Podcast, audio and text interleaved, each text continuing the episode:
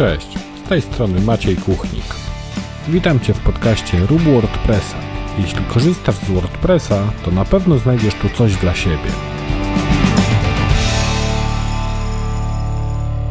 Cześć, witam Cię w 117 odcinku podcastu Rób WordPressa. Wracamy do regularnego publikowania i mam nadzieję, że już od teraz będziemy się słyszeć tak jak zwykle, czyli co tydzień.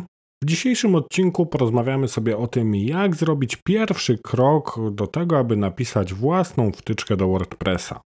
W nagrywaniu podcastu wspiera mnie marka Cyberfolks, która jest partnerem mojego podcastu i również na ich blogu możecie znaleźć cenne informacje dotyczące WordPressa, e, tworzenia stron, ale też właśnie rozbudowywania ich o jakiś własny kod, a oprócz tego znajdziecie tam mnóstwo cennej wiedzy dotyczącej e-commerce'u i ogólnego funkcjonowania w internecie. Także w wolnej chwili zajrzyjcie na blog Cyberfolk. A teraz przejdźmy do tematu odcinka. Skąd w ogóle pomysł na taki odcinek? Można powiedzieć, że mm, częściowo te tematy zostały już gdzieś poruszone w podcaście, bo mówiłem o wielu rzeczach, które można wykorzystać do pisania wtyczek i z których można zrobić użytek właśnie budując jakieś rozwiązanie oparte o WordPressa. Natomiast w ostatnim roku dostałem też e, kilka takich pytań związanych z tym, jak zacząć właśnie pisać własne wtyczki. Mm, tutaj głównie te pytania pochodziły od raczej początkujących użytkowników i zresztą ten odcinek też jest kierowany do początkujących WordPressowców, bo raczej doświadczony deweloper czy ktoś, kto pracuje z WordPressem i z kodem WordPressa już od dłuższego czasu, wiele się z tego odcinka nie dowie, bo pewnie te wszystkie rzeczy, o których będę mówił, są taką oczywistą oczywistością, jeśli mogę to tak ująć.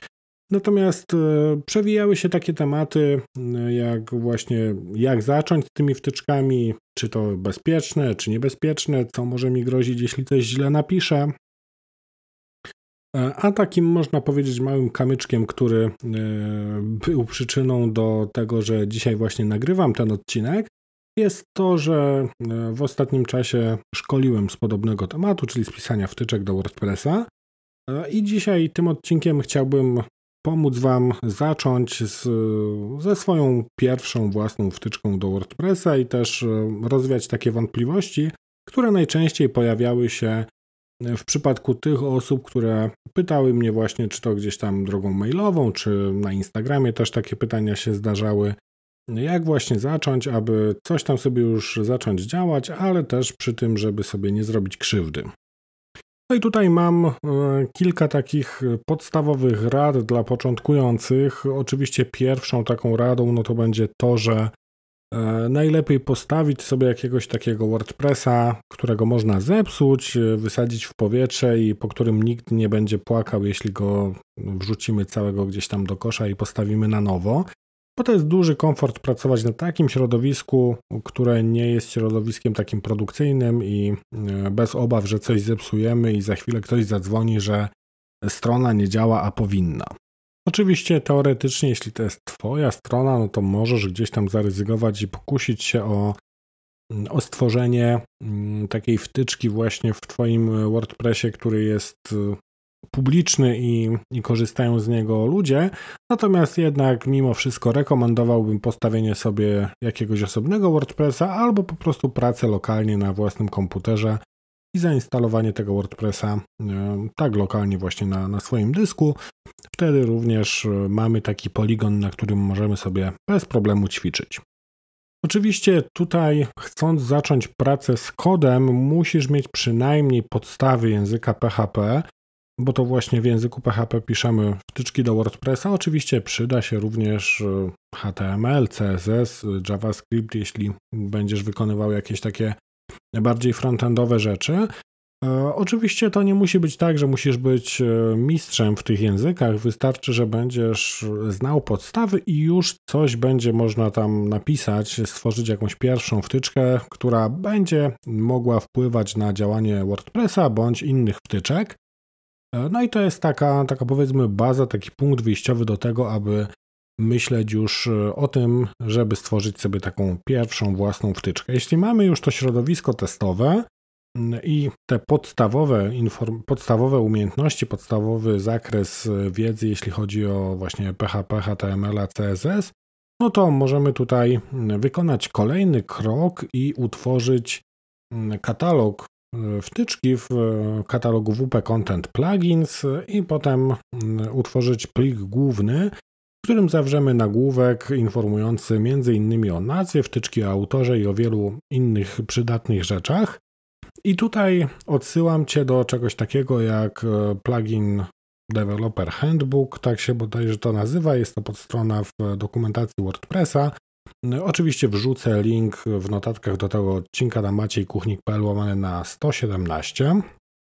I tam znajdziecie m.in. przykład takiego nagłówka i oczywiście e, taką instrukcję krok po kroku, jak przygotować taki plik wtyczki.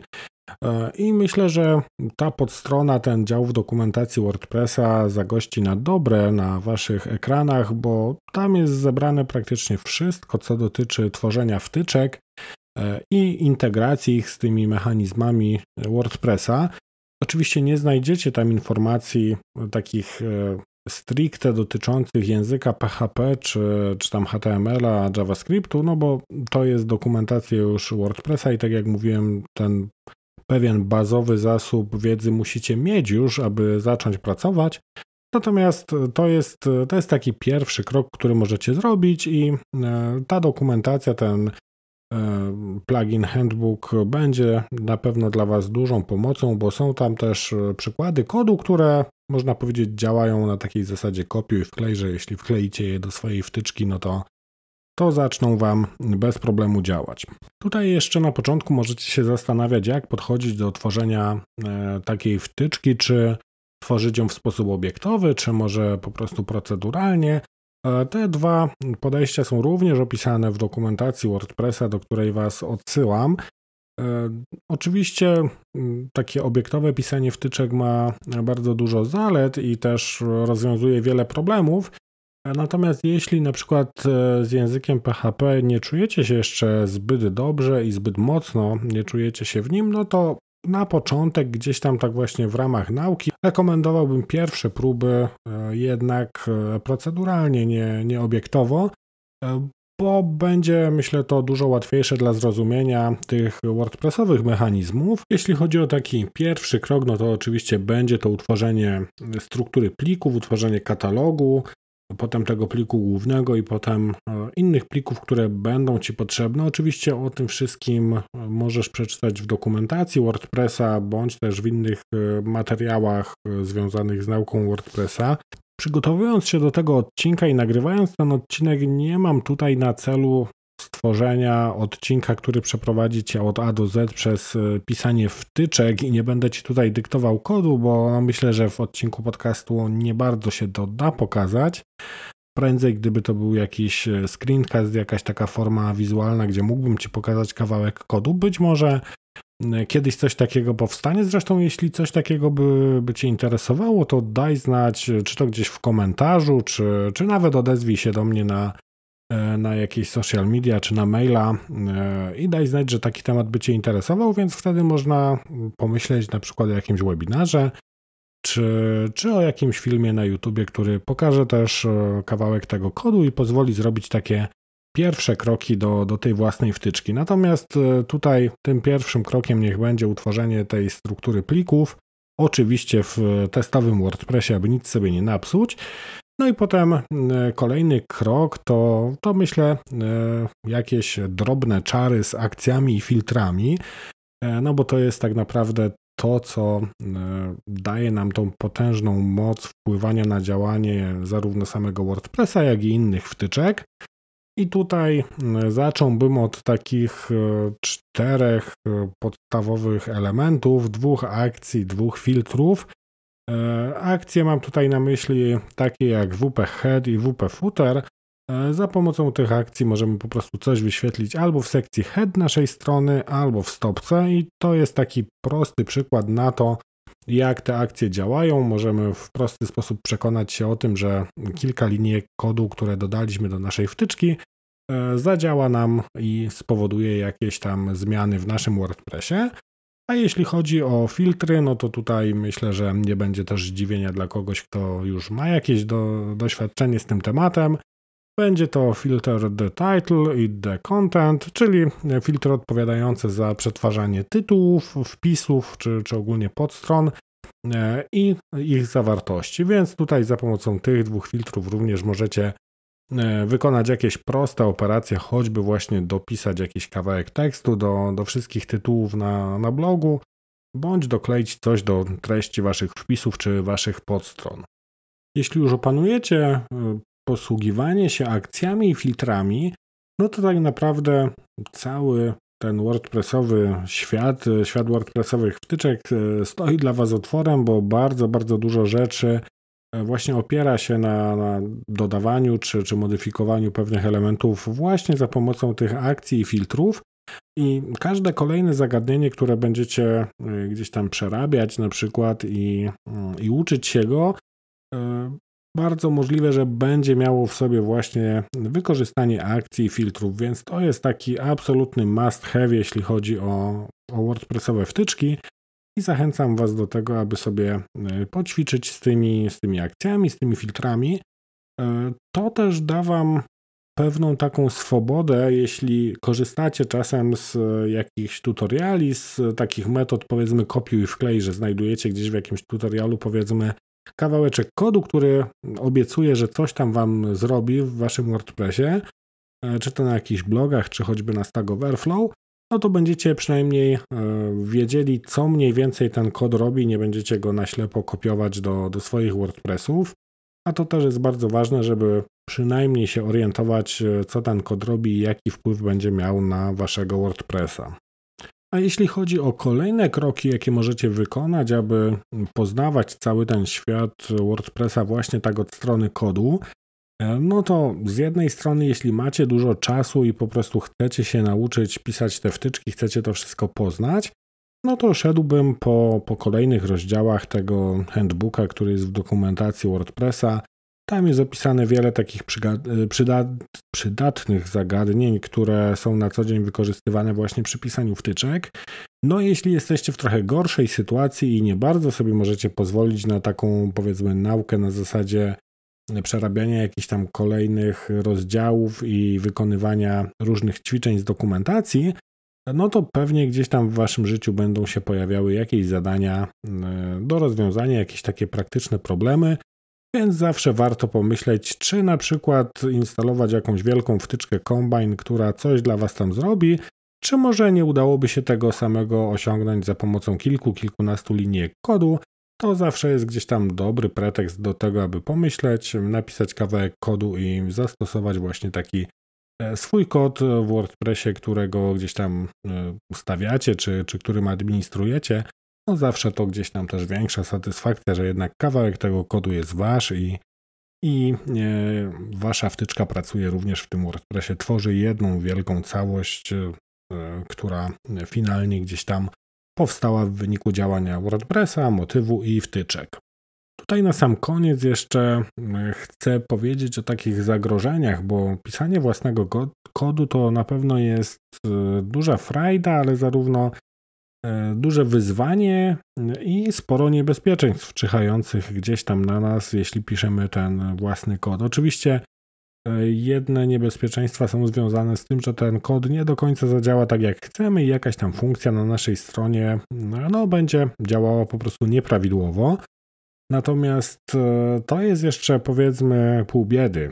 Gorzej, jeśli ten nasz kod będzie miał w sobie jakiś taki fragment, który będzie luką bezpieczeństwa, który będzie mm, pozwalał wykonać na przykład jakiś obcy kod na naszym WordPressie, bądź na przykład e, wrzucić na serwer jakiś plik, którego nie powinno się dać w ogóle wrzucić. Mam tu na myśli wrzucanie plików wykonywalnych, choćby właśnie jakiegoś e, pliku PHP, który potem gdzieś potencjalny atakujący mógłby wykonać na naszym serwerze.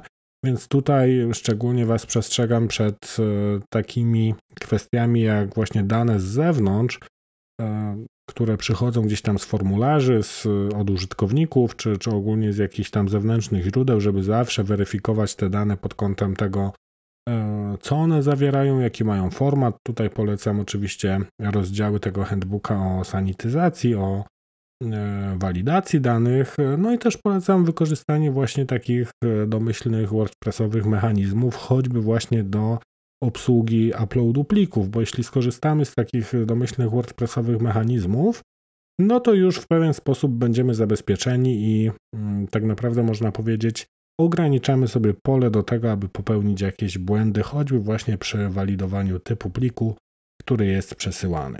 Tak jak mówiłem, ten odcinek nie miał być e, kompleksowym poradnikiem, e, jak napisać wtyczkę, miał być bardziej odpowiedzią właśnie dla takich osób, które zastanawiają się, co zrobić, jaki pierwszy krok zrobić, aby tą pierwszą własną wtyczkę gdzieś tam napisać, no to tak krótko podsumowując, e, przygotować sobie jakiegoś testowego WordPressa, stworzyć katalog, stworzyć plik wtyczki i potem razem z tym handbookiem, który jest w dokumentacji, korzystać z tych wszystkich dobrodziejstw WordPressa.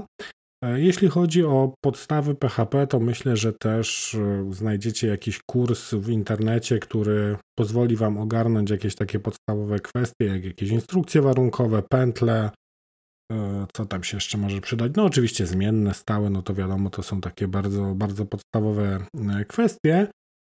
No i, i wraz też z nauką WordPressa możecie rozszerzać tą swoją wiedzę o PHP. E, i wtedy możecie iść tak dwutorowo, no a jeśli e, macie już jakąś e, taką ugruntowaną wiedzę dotyczącą programowania, no to jestem pewny, że sama integracja tego wszystkiego z WordPressem pójdzie Wam bardzo gładko, bo WordPress ma też bardzo dobrą dokumentację i wiele tych funkcji czy mechanizmów jest bardzo dobrze udokumentowana. Grunt tylko właśnie, żeby wykorzystywać to wszystko, co WordPress daje nam w standardzie, a nie wymyślać koła na nowo. I w tym krótkim odcinku to wszystko. Mam nadzieję, że teraz już nic nie przeszkodzi, abyśmy się słyszeli co tydzień. Więc zapraszam do kolejnego odcinka, a jeśli Ci się podobał ten bądź jakiś inny odcinek mojego podcastu, to podeślij go jednej osobie, żeby ten podcast mógł szerzej docierać do społeczności WordPressa. Ja się z Wami żegnam i słyszymy się za tydzień. Cześć!